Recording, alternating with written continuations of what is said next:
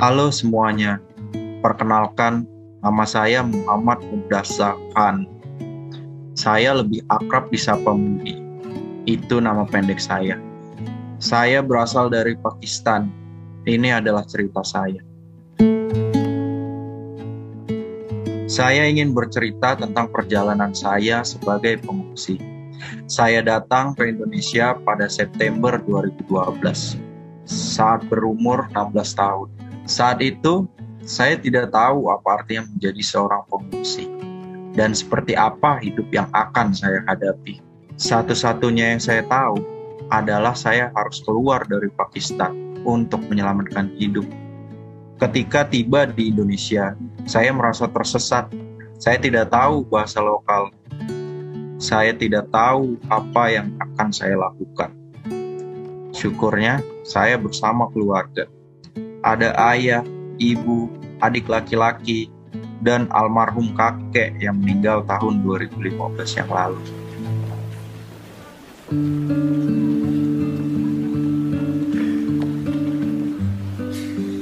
Hidup sebagai pengungsi di Indonesia memang berat. Saya tidak berkata begini tanpa alasan, tapi memang karena kami mengalami banyak tantangan. Kami ditempa dengan berbagai masalah. Misalnya, kami tidak bisa memperoleh pendidikan formal, tidak dapat bekerja, tidak dapat berpergian, dan tidak memiliki hak apa pun. Untungnya ada organisasi dari PBB yang membantu hidup kami selama tinggal di Indonesia. Tetapi bantuan tersebut juga sangat terbatas dan tidak bisa membantu saya untuk mendapat pendidikan. Kembali ke tahun 2012, ketika saya tiba pertama kali, saya harus melanjutkan sekolah. Saat itu, saya berada di tahun terakhir SMA saya belum lulus dan harus melanjutkannya agar bisa melanjutkan pendidikan di universitas. Cita-cita saya adalah menjadi dokter karena saya senang membantu orang-orang yang sakit. Saya selalu menjadi sukarelawan saat bersekolah. Sehingga saya sangat berharap bisa melanjutkan pendidikan di Indonesia atau paling tidak melanjutkan sekolah yang belum selesai. Ternyata sistem pendidikan di Indonesia belum mampu menyesuaikan sistemnya dengan kehadiran kami. Ini bukanlah masalah atau kesalahan pemerintah Indonesia, ini hanyalah fakta. Masih kurangnya kesadaran ataukah masih kurangnya prasarana terkait hal ini. Meskipun begitu, ada banyak orang baik di Indonesia. Saya bertemu orang-orang Indonesia yang sangat baik dan suka menolong sebuah sekolah di Jalan Cendrawasih, Makassar, menerima saya sebagai siswanya. Adik saya bersekolah di sekolah lain, tapi kami masih harus membayar biaya pendidikan walaupun kami tidak punya kesempatan untuk bekerja dan mendapatkan uang. Ayah saya adalah individu yang punya kualifikasi tinggi. Sayangnya, karena kami adalah pengungsi, kami tidak bisa melakukan apa pun untuk berkontribusi kepada masyarakat ataupun kepada diri kami sendiri. Kami hanya bergantung pada tunjangan bulanan dari PBB. Mulanya, tunjangan tersebut cukup untuk membiayai pendidikan saya dan adik.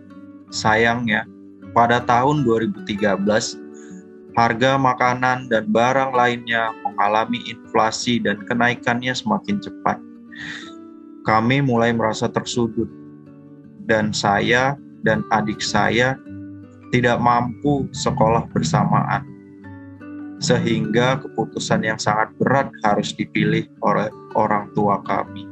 Siapa yang harus berkorban? Siapa yang harus tinggal di rumah dan tidak bersekolah? Siapa yang masa depannya akan hancur? Pertanyaan itu tidak mampu dijawab oleh orang tua saya saya tidak dapat membayangkan adik saya putus sekolah. Jadilah saya yang mengajukan diri. Saya bilang pada orang tua saya, "Tidak masalah, saya akan mundur."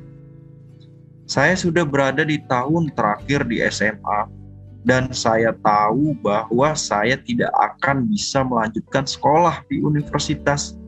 Jadi, tidak ada gunanya tetapi adik saya, Dia masih sedih saat itu.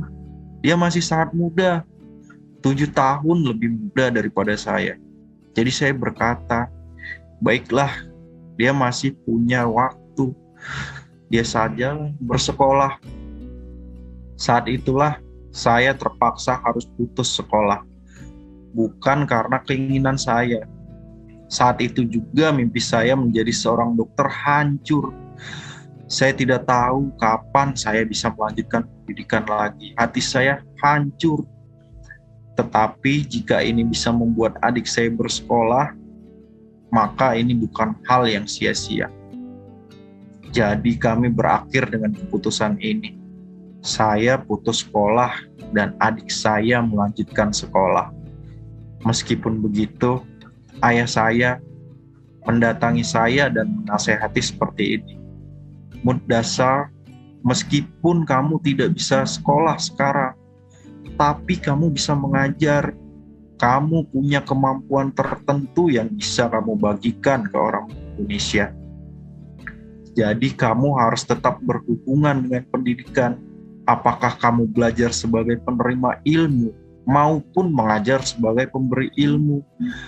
Setelah itu, pada Agustus 2014 tepatnya, saya mulai menjadi sukarelawan sebagai guru bahasa Inggris di panti asuhan untuk anak-anak Indonesia.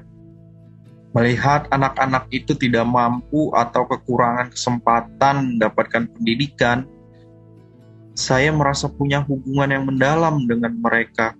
Saya merasa mereka juga berada di posisi yang sama dengan saya, karena mereka tidak mampu mendapatkan pendidikan.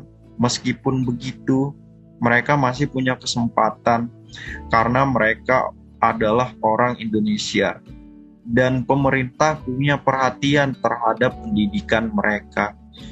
Sehingga saya berpikir meskipun saya tidak bisa, tetapi paling tidak mereka bisa.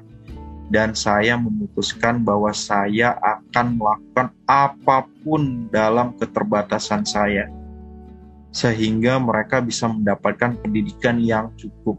Jadilah saya mulai mengajar mereka bahasa Inggris dengan harapan bahwa suatu hari mereka akan mendapatkan beasiswa dan bisa menempuh pendidikan di universitas dan mendapatkan pendidikan yang lebih baik dan mungkin mengubah hidup mereka dan memperbaiki kehidupan di sekitar mereka.